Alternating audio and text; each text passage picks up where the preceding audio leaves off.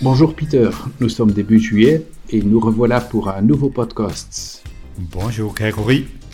Cette semaine, Yara a relancé un nouveau RFQ, je dirais plutôt une demande pour un devis.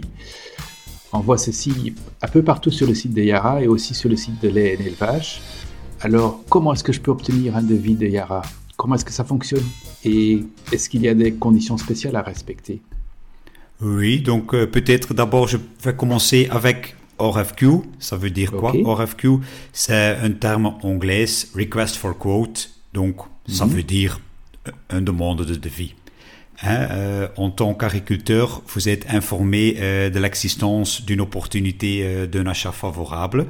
Donc, vous, vous, pouvez vous connecter avec le website d'EARA, yara.be. Là-bas, vous allez retrouver très facilement le, le RFQ, le demande de devis. Mhm. là-bas, vous pouvez remplir un formulaire. Vous pouvez choisir quatre produits. Le N27, le Nitromac, le sulfon, donc c'est le, 24 plus euh, soufre, ou le de sulfon ou le Nutri Booster, hein, deux produits avec euh, du sélénium, mais aussi avec euh, du soufre. Évidemment, vous pouvez aussi mentionner votre quantité que vous avez besoin et évidemment votre négociation de préférence. Donc, c'est toujours, c'est pas un direct ERA que vous allez recevoir une offre de prix, c'est toujours via une négociation. Donc, oui. Et, si, si, je n'ai pas de négociant euh, à mon nom? Si vous si vous n'allez pas remplir euh, un négoce de préférence, ça, va être probablement moi qui va vous téléphoner pour demander qui est, votre négociant de euh, préférence? À, notre avis, il est toujours agréable de travailler avec le négociant d'habitude.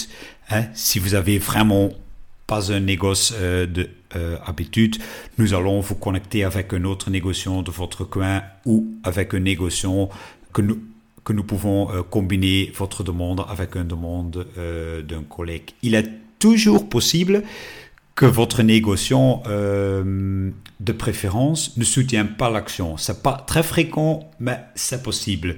Si ça c'est le cas, allez, évidemment, nous sommes libres de choisir un autre mais évidemment, nous essayons vraiment de vous servir via votre négoce euh, de préférence. Oui. Ok, vous avez parlé là tout à l'heure euh, des produits qu'on peut commander avec un devis. Je suppose que tout, tout est livré dans des big bags. Pouvez-vous nous rappeler euh, en quelques mots les avantages des big bags Oui, donc l'action RFQ c'est pour des big bags, mais si vous dites ah, je veux uniquement en vrac, c'est aussi possible. Vous pouvez euh, indiquer ça et nous allons euh, vous faire une offre via le négoce euh, pour le frac. Mais il y en a beaucoup d'avantages pour la big back. Hein. Ça coûte un peu mhm. plus, mais à mon avis, tous les avantages, avec tous les avantages, c'est gagné. la qualité des granulés est, supérieure en fait aussi. Oui, tout à fait. Hein. Chaque fois que l'on est manipulé en vrac, vous avez des, des grains broyés, cassés, mhm. ça forme de la poussière, c'est pas très favorable pour l'épandage. Quel est un autre avantage pour euh, la Big Bag C'est gestion du stock. Vous pouvez très facilement mhm. voir combien des engrais j'ai encore en stock hein, avec du vrac et, surtout avec des silos. Il est très difficile à estimer combien j'ai encore en stock. Autre avantage, vous pouvez utiliser différentes sortes euh, d'engrais. Hein. Par exemple, vous avez euh, culture de colza, ah, vous voulez le, sulfon. Vous avez euh, votre prairie, ah, vous voulez un produit avec euh, du sélénium. Donc, il est très, très facile aussi pour utiliser différents produits. Et aussi pour le stockage, la big ils sont libres d'humidité, d'oxygène. Donc, si vous dites, ah, maintenant, j'ai euh, du potentiel financier, aussi. Euh, j'ai vendu mon blé. J'ai maintenant assez d'argent euh, pour acheter. C'est aussi très facile pour, pour stocker. Dans un certain sens, on est en train de répartir les achats. Oui, aussi répartir les risques. Hein. tout le monde sait que, que les prix des engrais sont très fluctuatifs. Donc, euh, si vous achetez en différents moments, vous allez répartir euh, votre risque. Mais mm. à mon avis, hein, si on voit euh, le prix, actuellement, nous sommes au niveau de prix le plus, le plus bas depuis décembre 21. Donc, à mon avis, il y a très peu de risques que, que les prix vont euh, diminuer encore. Il y a beaucoup plus de risques que le prix va augmenter que, que diminuer. Donc, quelque part, si je peux conclure dans un certain sens, c'est maintenant le moment d'acheter en fait. Euh, à mon avis, oui, mais même déjà un peu plus tard, parce que nous avons déjà euh, touché le fond. Hein, euh, le, dernier dix jours, il y a de nouveau un peu la pression d'augmenter le prix à cause des, troubles en Russie. le prix de ré au marché international, international a aussi augmenté. le prix du gaz reste assez modeste.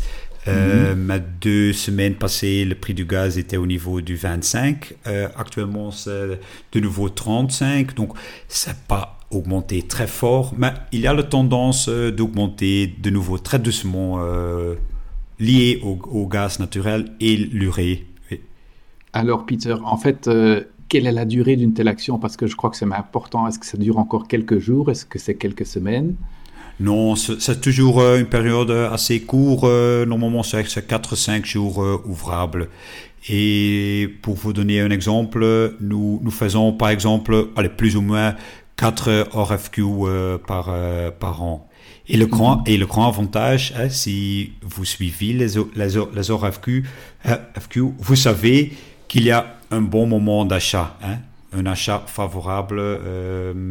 et évidemment, si vous recevez l'offre, vous êtes libre de décider. Euh, hein, pas, vous n'êtes pas obligé d'acheter, hein, évidemment.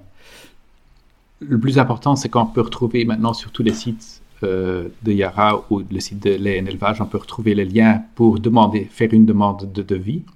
Et alors tout le reste, en fait, vous allez répondre tout de suite et nous contacter. Oui, oui. Donc, euh, si Yara a euh, reçu votre demande de vie, nous allons faire euh, une offre à votre négociant de préférence.